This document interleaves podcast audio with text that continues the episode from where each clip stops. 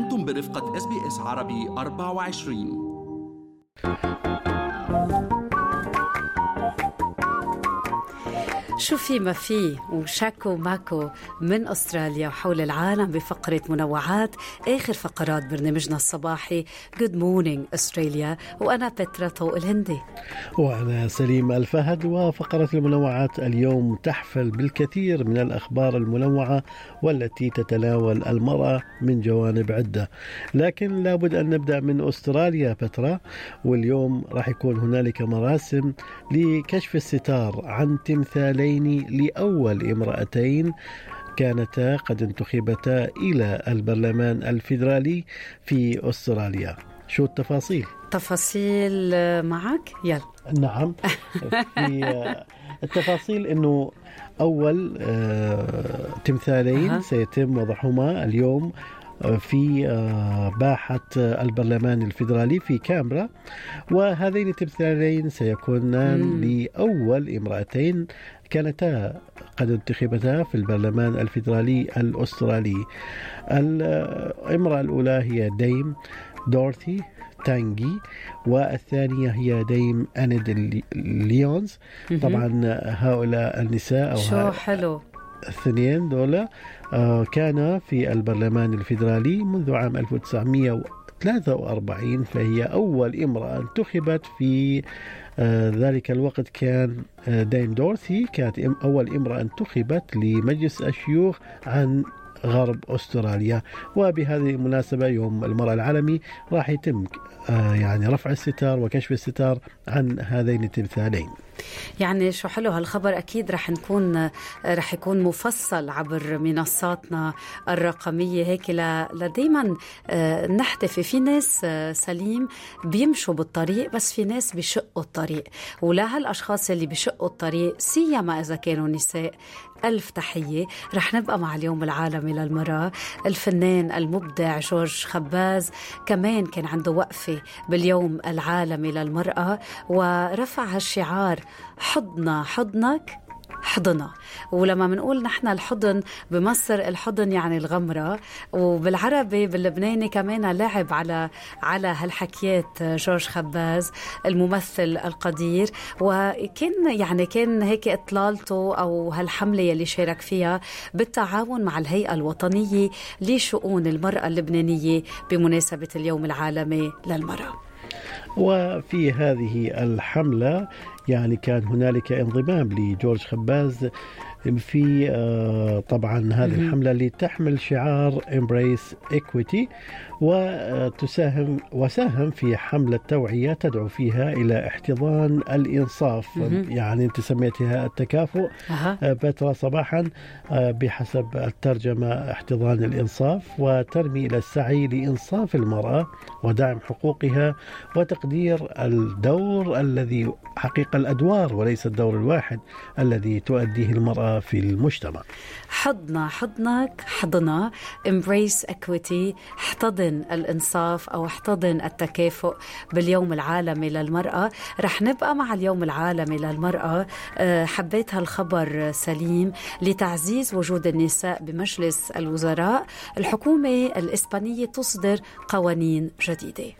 بالفعل وبحسب ما جاء في الخبر فإن الحكومة الإسبانية تسعى لإصدار قانون لزيادة وجود النساء في مجالس إدارات الشركات ومجلس الوزراء بحيث لا يقل نصيب النساء عن 40% من مقاعد مجالس الإدارات ومجلس الوزراء.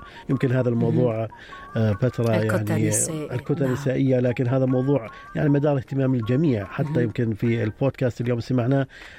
يعني كان هنالك لتفعيل دور المرأة يعني بالضبط. للوصول إلى القيادات آه، دعوة إلى إيجاد مجال و مقاعد أكثر للمرأة في هذه القيادات. نعم. وكل الأشخاص اللي بيعترضوا على على مبدأ الكوتا يعني بنعرف إنه أو أحيانا لازم يكون في هيك قوانين لتعزيز حضور ووجود المرأة الفاعل إلى أن يعني تصير هي بحريتها عم بتكون بهالأماكن. يعني بالفعل دائما الخطوة الأولى هي الخطوة الأصعب لكن وجود مثل هذه القوانين يعني إلى حد ما تعطي غطاء تعطي حماية لإيجاد آه، يعني المجموعة الأولى من النساء للذهاب أو للدخول في مثل هذه الشركات في مجلس الوزراء الإسباني بحسب ما, بحسب ما تسعى إليه الحكومة الإسبانية.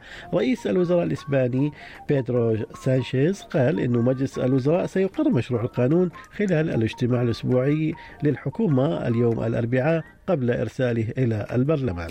وقالت الحكومة ببيان منفصل أنه مشروع القانون يضمن أن لا يقل نصيب النساء عن 40% من مقاعد مجالس الإدارة مع ضمان مستويات تمثيل مماثلة بمناصب الإدارات العليا.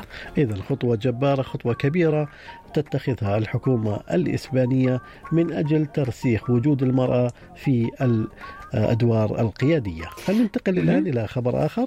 يلا. آه، كمان خبر بكبر القلب تحية للامرأة السورية. آه، تحية للمرأة يعني يلي بنعرف بال بال بالأوطان وبالأماكن يلي في نزاع.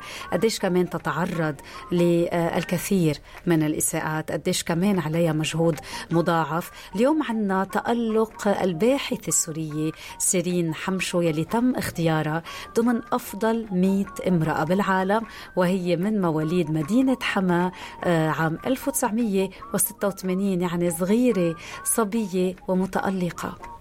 يعني وأيضا لها دور كبير يعني مئة أفضل مئة امرأة مؤثرة ليس في الوطن العربي ليس في الدول العربية وإنما في العالم. يعني معناها الدور اللي أدته هذه المرأة هو دور كبير.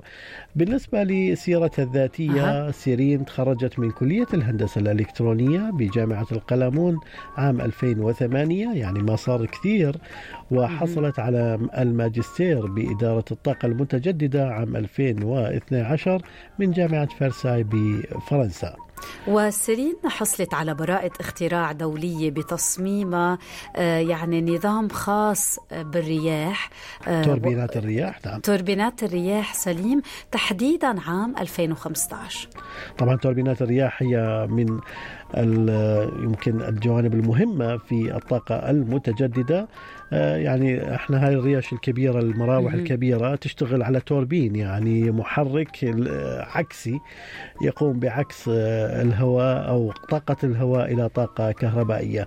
سيرين حمشو آه، تعمل حاليا بالولايات المتحدة الأمريكية بإحدى أكبر الشركات المعروفة والرائدة في مجال الطاقة وهي شركة جنرال إلكتريك واللي أسسها العالم والمخترع توماس أديسون. آه، ما رح ننسى الامرأة الأفغانية يلي كمان عندها نضال طويل وخاص. آه، وهالخبر يلي لفتني آه، كيف تحولت مذيعة تلفزيونية مشهورة أفغانية إلى عاملة مصنع تحت حكم طالبان واضطرت إلى أنه تترك أفغانستان. طبعا نعرف أنه آه، قبل آه، فترة بعد أن استولت طالبان على الحكم في أفغانستان كان هنالك يمكن مضايقات وحتى أوامر بمنع وجود النساء في آه، عمل الإذاعي والتلفزيوني وبالتالي اضطرت الكثير من النساء إلى ترك العمل. بعض منها هاجرن. آه، يمكن حديثنا عن هذه المرأة التي عملت في مصنع حتى سنحت لها الفرصة إلى الهجرة. شو التفاصيل الأخرى يا بترا؟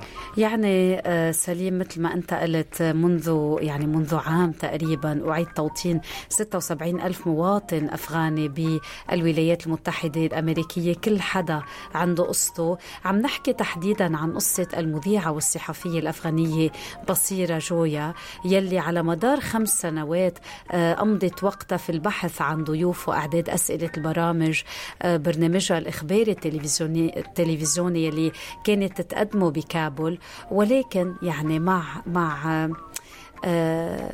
الأزمة الكبيرة نعم. ونحن بنعرف قديش وضع شروط خاصة حتى على النساء بالإعلام آه، اضطرت آه أنها تترك ليس فقط في الإعلام وإنما أيضا يمكن حتى الجامعات صحيح. يعني طالعت أنا امبارح خبر أنه الجامعات الأفغانية تفتح أبوابها آه، ابتداء من الأمس للعام الدراسي لكن هذه المرة بدون نساء للأسف. للأسف كان للأسف. فقط الشباب هم من يحق لهم الذهاب إلى الجامعة فبالتالي كان هنالك صدمة كبيرة سواء كان داخل أفغانستان وحتى في العالم الذي دائما يتوق إلى أن يكون للمرأة. دور أكبر في كل البلدان بغض النظر عن تفاصيل هذه البلدان. وحكيت بصيرة أنها كانت مطالبة من من حركة طالبان اضطرت تتخبى آه، لأسابيع عديدة كانت تنتقل من منزل لمنزل بالخفاء لتجنب العثور عليها. وبعد 17 شهر آه، لقت حالها يعني بمكان مختلف تماما وبدأ تحدي الاستقرار والهجرة ببلد جديد. إذا مع هذه القصة الملهمة وأيضا التي تعكس مدى التحديات التي تواجهها المرأة في مختلف بلدان العالم. نختم فقرة المنوعات وأيضا نختم فقرات برنامجنا اليوم اللي كان محور المرأة وطبعا كان المحور هذا بسبب وجود عيد المرأة العالمي اللي إحنا من خلال هذا الأثير أثير إس بي إس عربي 24 نوجه تهنئة من جديد إلى جميع النساء في أستراليا والعالم ونقول لهن كل عام وهن بخير هل تريدون الاستماع إلى المزيد من هذه القصص؟ استمعوا من خلال أبل بودكاست، جوجل بودكاست، سبوتيفاي أو من أينما تحصلون على البودكاست